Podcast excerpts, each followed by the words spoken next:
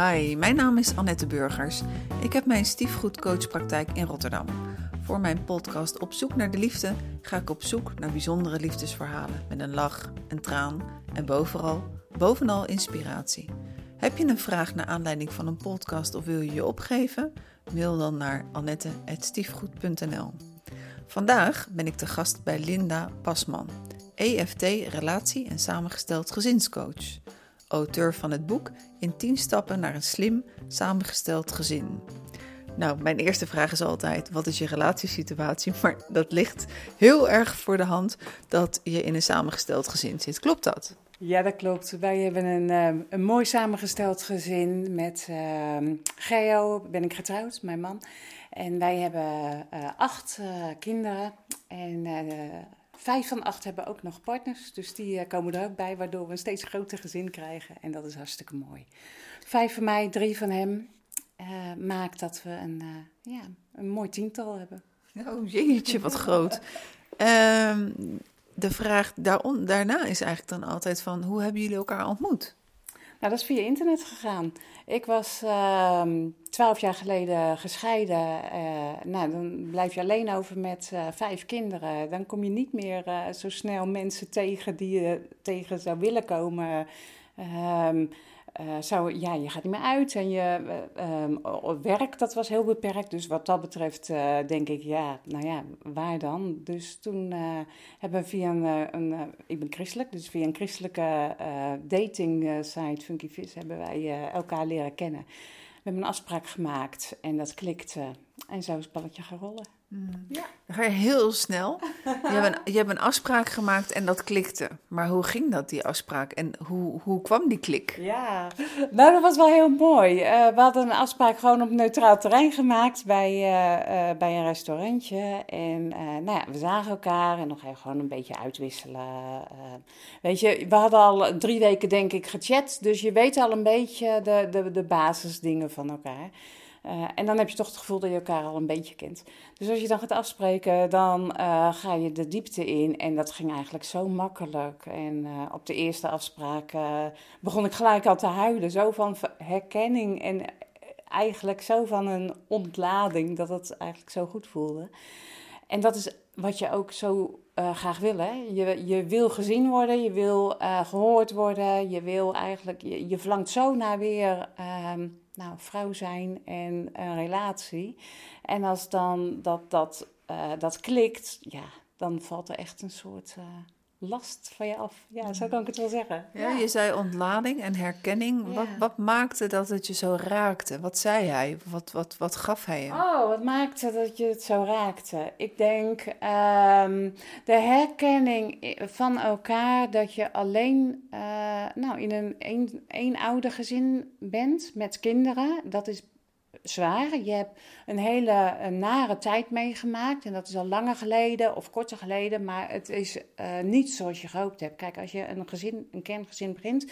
Of een relatie begint. Dan ga je niet voor dat het gebroken wordt. En dat je kinderen dus in twee huizen gaan wonen. En dat al die, al die dingen. Daar ga je niet voor. Maar het gebeurt wel. En je, je staat er in één keer wel alleen voor. En dan is het overleven. Tenminste, in mijn geval was het echt een aantal jaar overleven.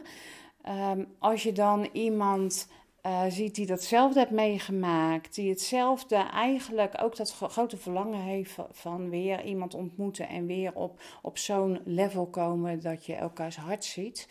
En dat ging heel snel. Dat verbaasde mij ook, dat dat zo snel... Want ze, hebben wel, ze zeggen wel eens liefde op het eerste gezicht. En dan denk ik, ja, liefde op het eerste gezicht. Maar zo snel als dat je een verbinding kan voelen, dat is echt heel mooi. Ja. Verbinding op zielsniveau. Ja, echt wel. Ja, echt wel.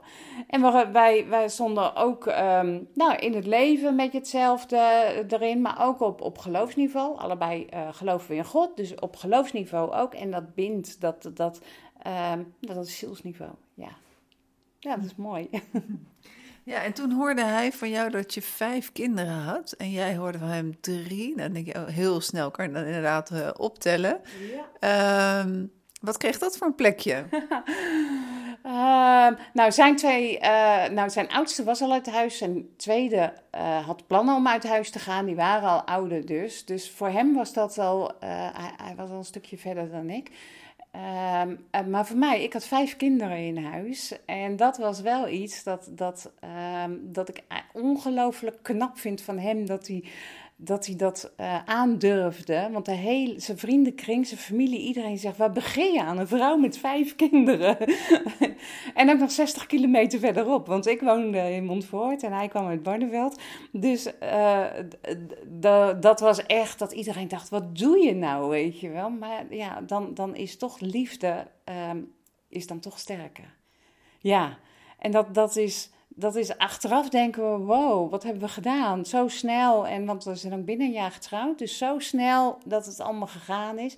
Maar het is zo goed geweest. Maar je zegt inderdaad uh, snel, binnen een jaar getrouwd, dat, is, dat heeft een hoog tempo.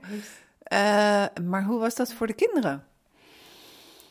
Uh, nou, ook weer uh, heel verschillend. Voor mijn kinderen was het heel fijn, want hij kwam heel veel op een gegeven moment bij ons thuis. En, uh, maar hij ging iedere keer ook weer weg. En kinderen die, die, die, die moesten zelf steeds al, al switchen tussen twee huizen. Maar dan kwam er ook nog iemand die, die erbij kwam en weer wegging. Dat was heel onrustig en ook onzeker van ja, eh, is dit, is dit niet. Blijft hij komen? Of, blijft hij komen of komt hij niet? En wat is, wat is... Dus toen dachten we heel snel al van, nou weet je wat we... Wij waren um, na drie maanden uh, zijn we samen op vakantie gegaan. En toen hebben we echt de, de, eigenlijk de, al de belofte naar elkaar uitgesproken van joh, dit willen we en we gaan voor elkaar. En we gaan voor elkaars gezin. Dat er ook stabiliteit komt. En juist voor de kinderen. Dus voor mijn kinderen was het heel belangrijk. Um, voor zijn kinderen, die, uh, die stonden meer op een afstand. Eén was al het huis uit, één werkte uh, en één zat nog op school. Um, vooral voor de jongste was, het, was dat heel anders. Want in één keer ging haar vader, um, die, die ging van haar vertrouwde huis, waar zij altijd bij haar vader kwam, naar Montfort verhuizen. en dat was wel een, een hele grote stap. Voor haar was dat echt, uh, nou bijna shocking. Ja, en dat hebben we ons te weinig gerealiseerd op dat moment. Dan zit je op een roze wolk en je bent verliefd en je, je bent bezig om het allemaal goed te doen. Maar voor um, zijn kinderen, voor Gijs kinderen, hebben we het echt te snel gedaan. Ja, ja die zit in een andere fase van die rouw. Dit is een handig boek in je koffer uh, straks voor de, voor de vakantie hierover. Uh, en uh, hoe, is ze, hoe is ze er uiteindelijk bijgekomen? Is ze bijgetrokken? Hoe is dat proces gegaan? Ja, met, met, met veel praten en met bij betrekken. En um, vooral haar op de plek laten staan waar ze wilde staan. Zij wilde niet bij ons in huis slapen. Uh, wij hadden het helemaal leuk bedacht van we verkopen daar het huis, daar kopen we een vakantiehuis en dan om het weekend gaan we daar zitten en dan kan zij bij ons komen. Weet je, wij hadden het al helemaal bedacht om het zo goed mogelijk voor haar ook te doen. Alleen dat, daar zat ze helemaal niet op te wachten, dat wilde ze helemaal niet. Zij wilde eigenlijk gewoon in de oude huis blijven. En wat heel terecht is. Um, uh, dus het was onze oplossing. En het was niet haar uh, manier van om met haar vader om te gaan. En zij moest nu altijd een afspraak met de vader maken. Ze kon niet even naar, toe, naar hem toe gaan, wat ze eerder uh, zeg maar, gewend was. Um, dus daar gewoon heel veel praten en op haar eigen tempo, op haar eigen manier. Um, ja, hebben wij moeten leren hoor. Wij hebben onze verwachtingen dus helemaal naar beneden moeten doen. Om haar mee op haar niveau uh, haar erbij te betrekken. Ja, en dat, dat, is, uh, met, dat zijn fases. Dat is een poosje dat dat tegenstand geeft. Dat is een poosje dat er boosheid is. Er is een, een poos dat er berusting is. En uh, dan komt er weer tegenstand. En zo golven we eigenlijk door de fases heen. Zoals we met alle kinderen door fases heen gaan. En iedereen doet het op zijn eigen manier. En dat heb ik heel erg moeten leren. Want ik had heel erg het idee. Um, we maken er één happy family van. En we gaan wel eens laten zien dat, uh, dat, het, dat het dit goed gaat. Want de vorige keer is het niet goed gegaan. En dat was bij, uh, bij natuurlijk ook. Het was niet goed gegaan. En we hadden echt het verlangen. We gaan nu laten zien. Dit gaat goed. En dit is een gezin. En we gaan liefde laten zien en zo. Uh, ja, en dat is heel leuk op die roze wolk. Maar in de praktijk is dat dus heel anders. En heel veel weerbarstiger. Heel veel weerbarstiger. En dus wij dat eerste jaar moesten wij echt onze lat helemaal naar beneden uh, zetten, zeg maar. En ieder kind op zijn eigen manier, op zijn eigen uh, uh, gang, zeg maar, op zijn eigen niveau en op zijn eigen tempo. Ja, het, het ehm, respecteren en um, erkennen en bemoedigen dat het oké is. Dat iedereen zijn eigen manier en zijn eigen gang daarin mag hebben. Mm. Je zei van, uh, je bent gescheiden, dus dat is niet gelopen zoals jij uh, je had voorgenomen. En zoals je ook plant uiteindelijk als jong meisje van ik ga trouwen en vijf kinderen en, en we gaan de toekomst in. Wat heb je meegenomen vanuit je eerste huwelijk waarvan je denkt van, hier heb ik wel van geleerd en ik ga het nu echt anders doen? Ja, vooral praten en emoties delen. En dat heb ik uh, zeg maar van, van thuis uit veel te weinig geleerd. Ik heb het ook niet in mijn eerste relatie geleerd. Dat is vooral dat ik nu denk, um, het, het praten, het vertellen, het delen van, van uh, wat je ergens van vindt, van je gevoelens, van je um, uh, verwachting, van je, van je verlangen. Ja, die, het, het delen. Hmm. Heel veel tijd steken in samen delen van, van dingen. Eh, waardoor je elkaar begrijpt waar je staat, wat je nodig hebt, wat je wil. Ik denk dat dat het grootste is. Ehm, wat ik in mijn eerste uh, relatie veel te weinig heb gedaan. Ja. Dan is het natuurlijk een klein sprongetje naar je jeugd. Wat voor een voorbeeld waren jouw ouders voor jou op het relationele vlak? Mijn ouders die waren vooral een, eh, een heel um, hardwerkend uh, ondernemersgezin. Die, die uh, zeg maar um, heel graag uh, ons wilde meegeven dat als je hard werkt en dat je alles voor elkaar kan krijgen. En, en dat je, nou ja, dat, dat je het kan verdienen, zeg maar. En dat is. Um, nou, dat, dat is een mooie basis, maar op relationeel niveau, op emotioneel niveau, um, was daar veel minder aandacht voor. En ik was als meisje, dus ik was ook nog naast de jongens die gingen mee in dat bedrijf en die vonden dat allemaal prima. Uh, dat was een boerderij en die, die waren buiten en die vonden dat ook geweldig. Maar ik was anders en uh, nou, daarin heb ik me vaak ook niet begrepen gevoeld. Maar dat was nou eenmaal wat het was. Dus uh, ja, als je verdrietig wordt, eh, ging, ga de werf maar vegen, uh, dan gaat het wel over. Weet je, dat is een beetje de praktische oplossing, zoals ik opgevoed was. Uh, en dat ben ik ook gaan doen. Ik ben gewoon gaan werken en werken en steeds harder werken. En uh, dat is, zo hebben wij, uh, zeg maar, in mijn eerste huwelijk is eigenlijk een kopie van mijn ouders geweest. Want wij hebben ook een boerderij en ook heel hard gewerkt. En ook van een, een klein bedrijfje een heel groot bedrijf gemaakt. En dat is allemaal prima gelukt. Dus dat hebben mijn ouders heel goed, zeg maar, overgegeven. Maar op emotioneel niveau, ehm, nou, is het, was het anders. En mm. dat heb ik allemaal moeten zelf moeten leren en ondervinden en uh, doen. Ja. ja. en dan op een gegeven moment dan groeien uit elkaar. En um, um, wie nam uiteindelijk de beslissing om uit elkaar te gaan? Ja, dat is altijd een hele tricky, hè? Want um, wie neemt de beslissing? Dus eentje die het zegt, maar eigenlijk zijn er dus twee die het doen. Dus dat er eentje het doet, dat, dat klopt niet helemaal. Het is een heel proces natuurlijk. Dus bij ons was het wel, hij nam op het laatst die beslissing, maar daar is een hele uh, reeks van, van ruzies en onbegrip en van alles aan vooraf gegaan natuurlijk. Dus... Um, om daar één iemand. Ik denk niet dat dat juist is. Ik denk dat altijd als, als er zoiets gebeurt, zijn er twee die reageren op elkaar. En juist dat reageren op elkaar, dat, is, dat maakt dat het eigenlijk niet opgelost wordt. En dat uh, eentje op een gegeven moment zegt van ja, dan kap ik wel, dan stopt het maar.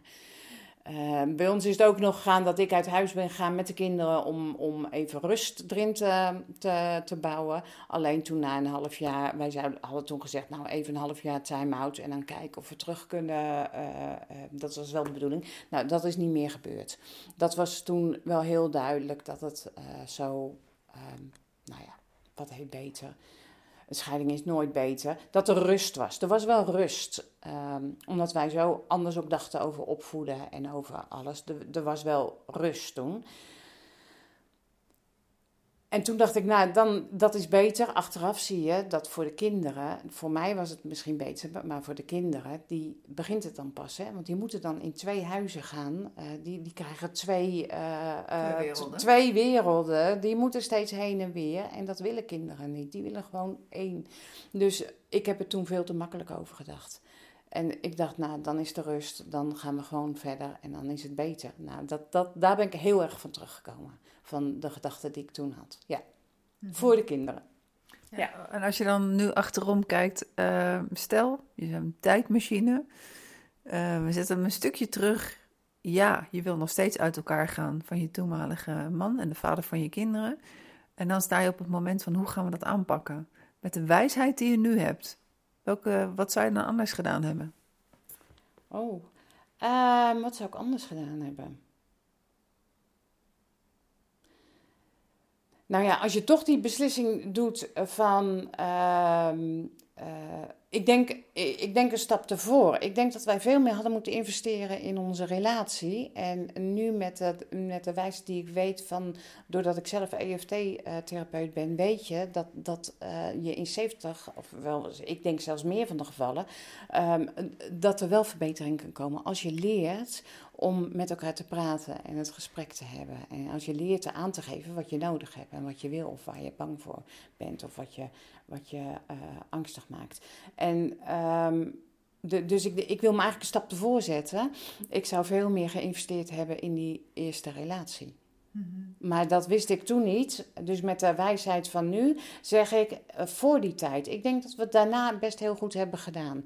Uh, het, was, het was wel duidelijk. De kinderen waren hier twaalf dagen, daar twee dagen. Dat was duidelijk. En uh, ik denk dat we dat mede door zijn. Hij is heel snel heeft hij een nieuwe partner gekregen. Uh, um, daar heb ik gelijk mee afgestemd. En ik denk dat we dat wel goed hebben gedaan. Maar dat neemt niet weg dat de kinderen nog steeds heen en weer moeten. En dat de kinderen nog steeds twee huizen hebben. En dat de kinderen, als ze daar zijn, mama moeten missen. En als ze hier zijn, papa moeten missen. En als ze daar waren, was dat nog wel steeds de boerderij? Dat was nog steeds de boerderij, ja. ja. Um, nou dacht ik net nog even, uh, wat was... Oh ja, ik ben er weer. Wat was jouw beroep toen jij nog samen was met, je, met de vader van je kinderen? Met de man van mijn kinderen. Ja, met de, ja? Ja, um, ik, uh, ik, we hadden samen een boerderij. Dus wij hebben samen die boerderij, zeg maar, van heel klein naar best een groot uh, bedrijf uh, gedaan. Ik ben toen onder schooltijd van de kinderen, nee, dat was later, zit ik me nu te bedenken. nee, het was, want wij kregen, de, wij kregen de kinderen en we deden samen die boerderij. En we hebben toen we de tweeling, de jongste twee, kregen. Dat was een tweeling. Dat was, een, uh, het was al een verrassing dat we ze kregen. En toen was het een tweeling ook. Dus toen hadden we ineens van drie hadden we vijf kinderen. Toen is de boerderij werd eigenlijk te veel. En die hebben we toen al uh, verkocht. En toen ben ik op de school van de kinderen administratie gaan doen. Heb ik me omgeschoold. En um, daarna ben ik toen ik zeg maar met de kinderen uit van de boerderij weggegaan ben. toen ben ik ehm, uh, op een, uh, bij een Apple ben ik uh, management taak, assistententaak gaan doen. Ja. ja, want ik vraag erom. Ik denk van, nou oké, okay, je hebt zo op, dat, op de boerderij gewerkt. En, ehm, nu ben je EFT-therapeute. Ja. Ja. hoe ben je van het een dan uiteindelijk hier terechtgekomen? Ja, nou dat was dus een, een tussenstapje. Uh, toen mijn oudste zoon uh, examen moest doen uh, van het VMBO, die, die kon moeilijk leren. Waar hij stage liep, dan mocht hij blijven en dan mocht hij de hoveniersopleiding, het MBO hoveniersopleiding gaan doen. En dan mocht hij bij dat hoveniersbedrijf blijven, waar hij stage liep. maar dan moest hij alleen nog zijn, zijn diploma halen. En, en het, het leren ging niet makkelijk. En toen heb ik hem Um, in, in die tijd dat hij examen moest doen, heb ik hem, uh, ben ik bij hem aan de keukentafel gaan zitten en heb ik al zijn schoolboeken voorgelezen. En toen kon hij het wel oppikken. En toen ging het in één keer wel. En toen dacht ik, oké, als hij dat heeft, want, uh, dat hij op een andere manier leert, hebben nog veel meer kinderen daar last van. Ehm, ik had. Uh, dus, ik, dus ik ga maar relatietherapeut worden? Nee, nee, nee, nee, nee. Dat, dat is de volgende stap. Uh, maar hoe het gekomen is, het coachingsvak, daar ben ik eerst in gerold. Eerst als kindercoaching. en ik ben, ik ben hem gaan helpen. En toen dacht ik. en mijn baan opgezegd toen hij examen moest doen.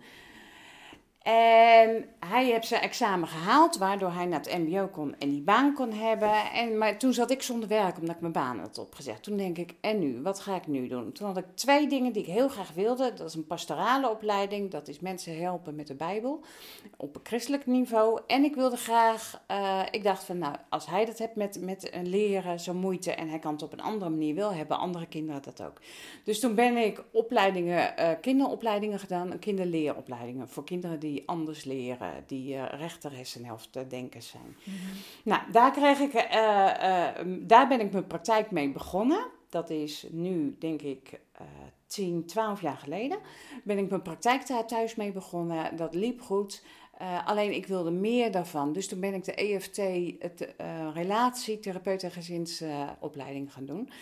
Om meer uh, van die relaties tussen ouders en kinderen te begrijpen en te kunnen. En ik werd daar zo geraakt door het EFT relatietherapie.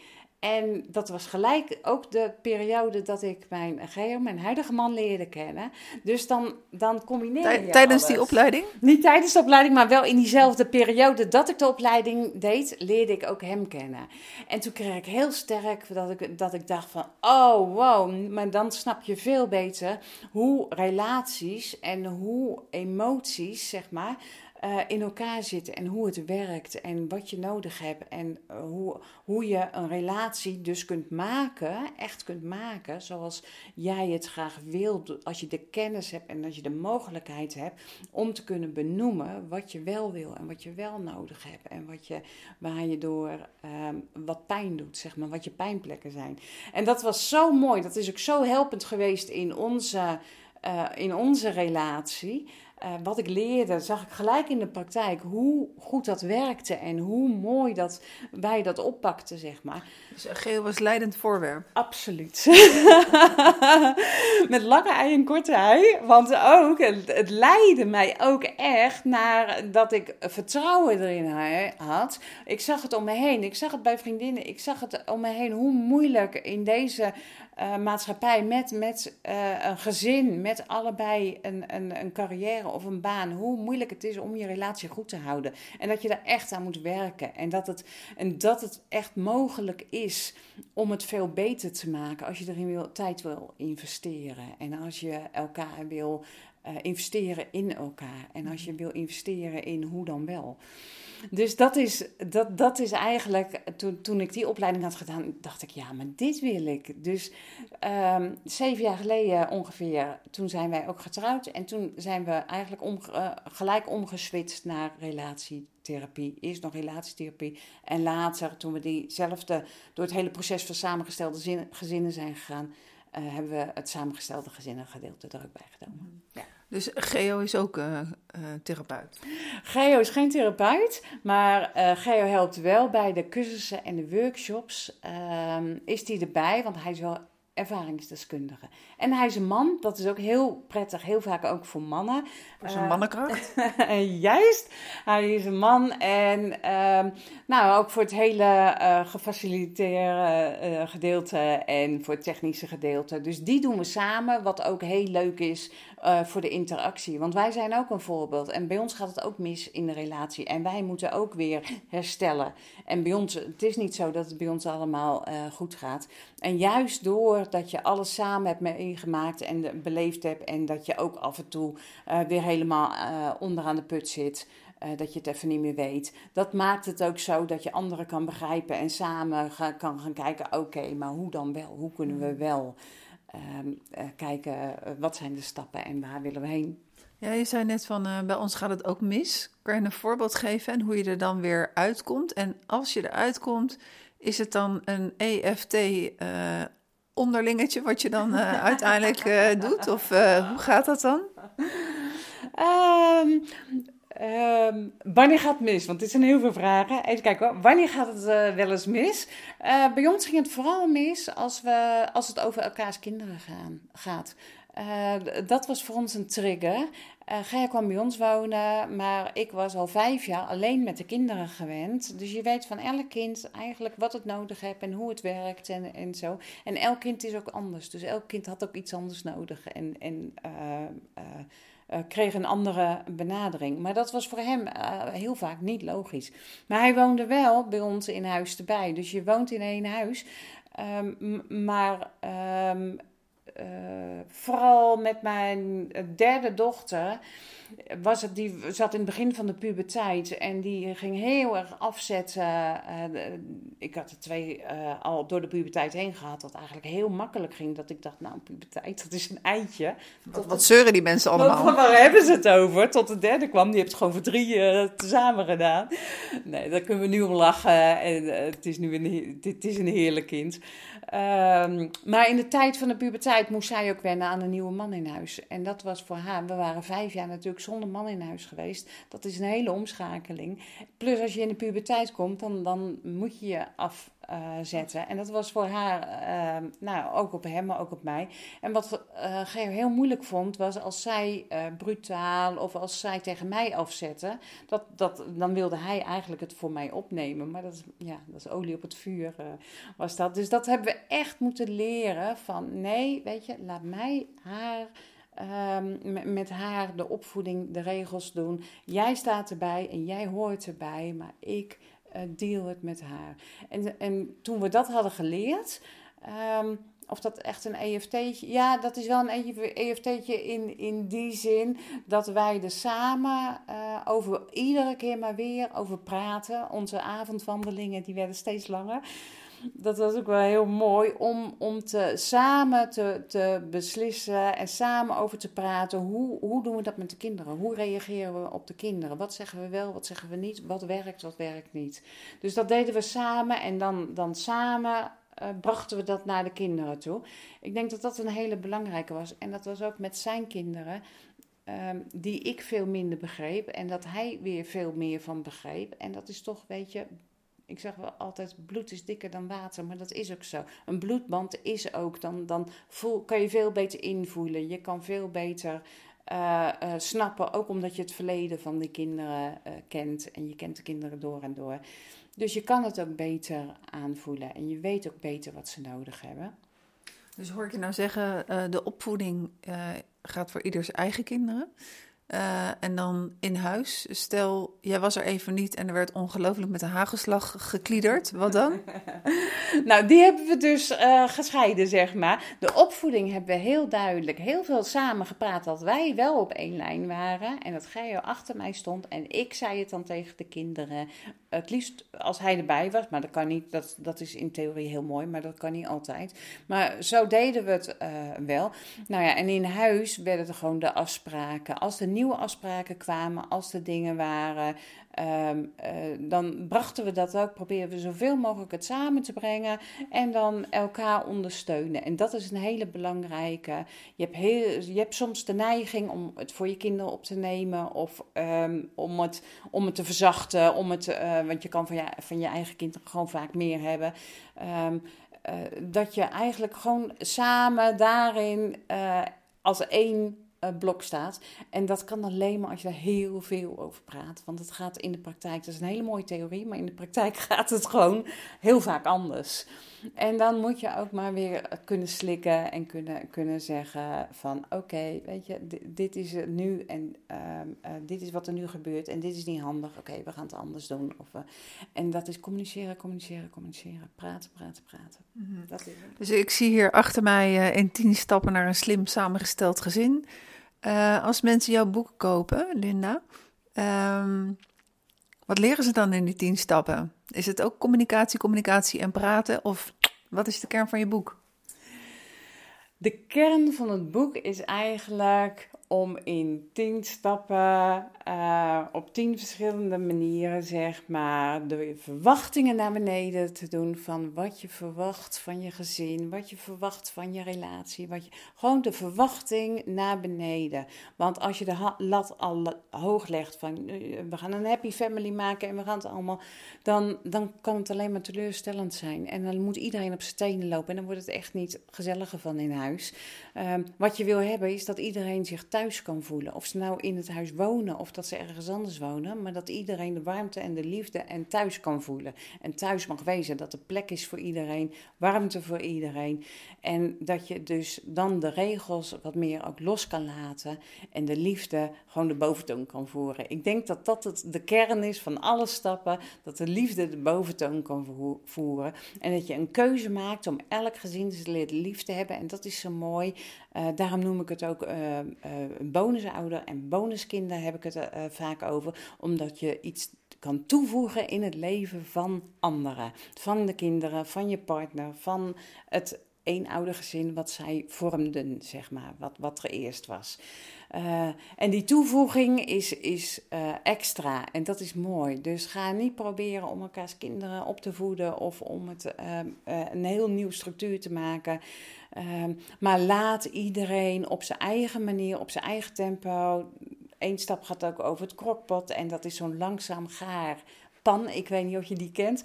Um, dat, die metafoor geef ik dat elk kind en ieder, uh, en, de, twee uh, volwassenen ook, dat iedereen er mag zijn op zijn manier en op zijn tijd en op zijn um, ja, niveau mee mag draaien. En dat iedereen erkend wordt en geliefd wordt. Volgens mij is dat de kern van alle stappen. En hoe je dat in de praktijk doet met communicatie, met een plek in huis, met het samenstellen, met, met, met al die verschillende dingen.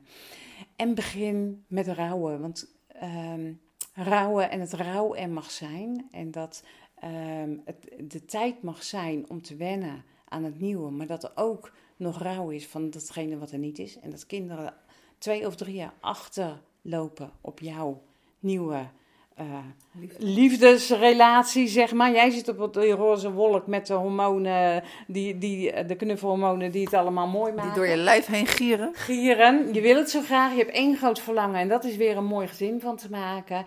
Uh, maar kinderen lopen twee tot drie jaar achter. En, en dat mag ook. En iedereen mag op zijn eigen manier, op zijn eigen wijze meedoen. Wij zeggen tegenwoordig, we plannen van alles en we organiseren van alles en iedereen mag meedoen en niemand hoeft. En sinds we dat doen, hebben we eigenlijk um, veel minder spanning en iedereen uh, voelt de vrijheid en iedereen voelt zich welkom en uh, mag meedoen. En willen ze het niet, is het ook goed. Mooi, dankjewel. Uh, welke drie eigenschappen heeft Geo waardoor jullie dit volgehouden hebben met tien kinderen. nou, Geo is ontzettend lief. Hij is heel zorgzaam. En hij heeft het vermogen om uh, uh, de kinderen eruit te halen, zeg maar, uh, wat erin zit. Hij kijkt niet naar het gedrag, maar hij heeft het vermogen, en dat is echt heel knap, om, om te kijken wat, wat het goud eigenlijk uit elk kind naar boven te halen.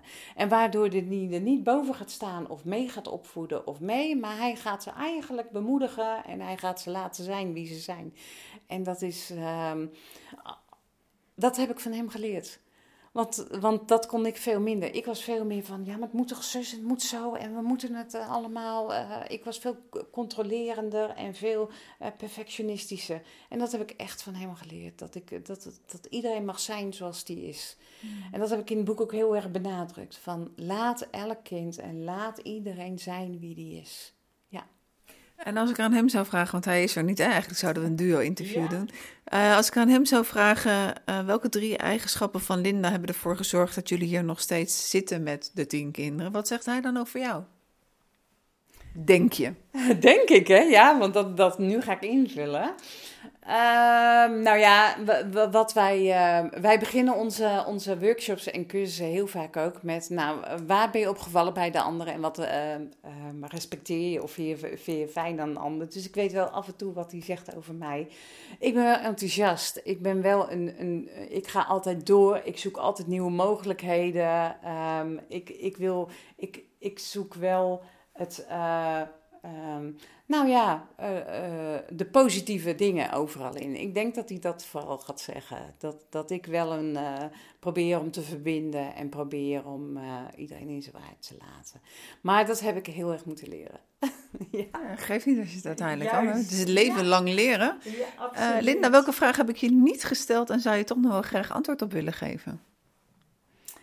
Um, nou, ehm, misschien wel, waarom heb je een boek geschreven? En dat was uh, voor mij uh, in onze uh, zoektocht van een samengesteld gezin en in mijn verwachting van één happy family ervan maken, kwam ik erachter dat het echt vijf tot zeven jaar duurt voordat een, een samengesteld gezin samengesteld is. En dat je zonder hulp, dat het heel moeilijk is om Um, nou, in alle fases uh, en met alle niveaus waar kinderen en waar je zelf zit, om daar een eenheid van te maken. En daarom heb ik eigenlijk een boek geschreven om mensen te helpen. En in mijn geval dan vanuit een christelijke levensovertuiging. Dat miste ik heel erg. Uh, algemene boeken en algemene cursussen waren er genoeg. Vanuit de christelijke levensovertuiging miste ik het want er zit zoveel schuld en schaamte bij mensen die geloven, omdat ze eigenlijk het gevoel hebben: ik heb gefaald, scheiden is falen. Ehm, ik heb niet uh, kunnen geven wat, uh, wat ik beloofd had bij het huwelijk. Uh, ik heb mijn belofte verbroken. Um, nou, soms dat ze afgewezen zijn door familie, door um, gemeentes juist voor deze groep, die dat stuk zo moeilijk ook vindt, is het eerste hoofdstuk ook van ga je ga ook vergeven. Je mag jezelf vergeven. Je mag uh, elkaar vergeven. Waar uh, relaties zijn, worden fouten gemaakt. Um, maar dat mag. We zijn hier om te leren en we zijn hier om elkaar te vergeven. En vergeven en rouwen, dat dat de eigenlijk de eerste stap is voor een samengesteld gezin. En die eerste stap die had ik zo gemist. En die heb ik later uh, wel ingehaald. Maar vooral mezelf vergeven en de mensen om me heen kunnen snappen ook waarom ze de, tegen de scheiding waren en waarom ze het tegen het trouwen eigenlijk waren. Uh, en dan denk ik, ja, maar God gaat mee en uh, we hebben een goede God die ook met ons meegaat. En die heel veel kracht en liefde geeft, waardoor je je gezin, een nieuw gezin, um, een heel grote voorstap ook weer in kan geven. Juist in die liefde en in die kracht. Dat heb je heel mooi gezegd, want dat was inderdaad nog wel een vraag die ik had: van wat het christelijke aspect meebrengt. En nu heb je dat uh, uitgelegd. Heb jij het lastig gehad ook met jouw familie toen je ging scheiden? Um, ja, um, zeker. Dat, dat, uh, dat, is ook, dat is ook lastig. Um, mijn ouders die, die vonden dat ook heel moeilijk om dat te accepteren, zeg maar. Uh, voornamelijk de liefde voor de kinderen en dat ze het zo, de, de problemen die ze zagen met de kinderen. Terwijl ik in mijn eigen ellende toen en in mijn diepe put zat, zeg maar. Uh, we hebben daar wel later heel goed over kunnen praten. En uh, ook het, het, stuk elkaar weer kunnen vergeven. Dat we soms niet zo handig. Ik heb ook niet handig gereageerd naar hun. Zij ook wel eens niet naar mij. Ja, dat hebben we ook kunnen uitspreken. En dat is ook wel weer heel, heel erg mooi om dat te kunnen doen. En waardoor ik later ook um, zo de, het nut van vergeven en erover praten met elkaar. En dat is niet alleen een christelijk hoor, want nu lijkt het of het christelijk is. Maar daar uh, daar heeft iedereen mee. Want je krijgt, uh, het is ook heel moeilijk. Van hoe ga je met je, schoon, uh, je ex-schoonfamilie om? Hoe ga je met, met vrienden om die anders denken of anders vinden? Of, ja, je wordt gekwetst en je kwetst zelf ook. Hoe is nu je relatie met de vader van je kinderen? Ehm, we zijn echt vader en moeder. Onze, onze, wij, functioneel, zoals wij dat zijn heet. functioneel vader en moeder van de kinderen. En dat gaat goed. En we bespreken de dingen op hoofdlijnen. En voor de rest uh, respecteren we elkaar. En uh, daar heeft ook uh, tijd overheen gegaan. Dat heeft echt tijd gekost. Dat heeft vergeving gekost. Dat heeft jezelf... Ehm, nou ja, de ander kunnen zien in de waarde die die ook heeft. En niet alleen in de pijn die, die je hebt gehad, zeg maar. Maar weer kan kijken naar de waarde en de, en de extra's die de kinderen uh, daar ook krijgen. En dat is mooi. Ja. Zeker mooi. Linda, de tijd vliegt voorbij. Dat betekent het einde van deze podcast. Hartelijk bedankt voor je inspirerende en mooie verhaal en uh, vooral je ervaring. Dankjewel. Nou, graag gedaan. Ja, ik vind het ook heel mooi om het te delen. Want er zijn zoveel, uh, nou, er komen steeds, veel, steeds meer samengestelde gezinnen. En het blijkt nog wel dat 60% het niet redt. En ik wil echt zeggen, jongens, ga door tot die 5 tot 7 jaar. Want pas daarna komt de rust en dat komt echt. Maar ga door en zoek hulp. Ehm, als dingen moeilijk zijn, dat iemand even met je mee kan kijken, even je kan bemoedigen, even een stukje met je mee kan lopen. Uh, schaam je niet daarin, maar we zijn ervoor om elkaar te helpen. Dus uh, doe dat ook. Dankjewel, Linda. En voor de luisteraar, dank voor het luisteren. En over twee weken is er weer een nieuwe podcast. Tot dan, hartstikke graag. Doeg!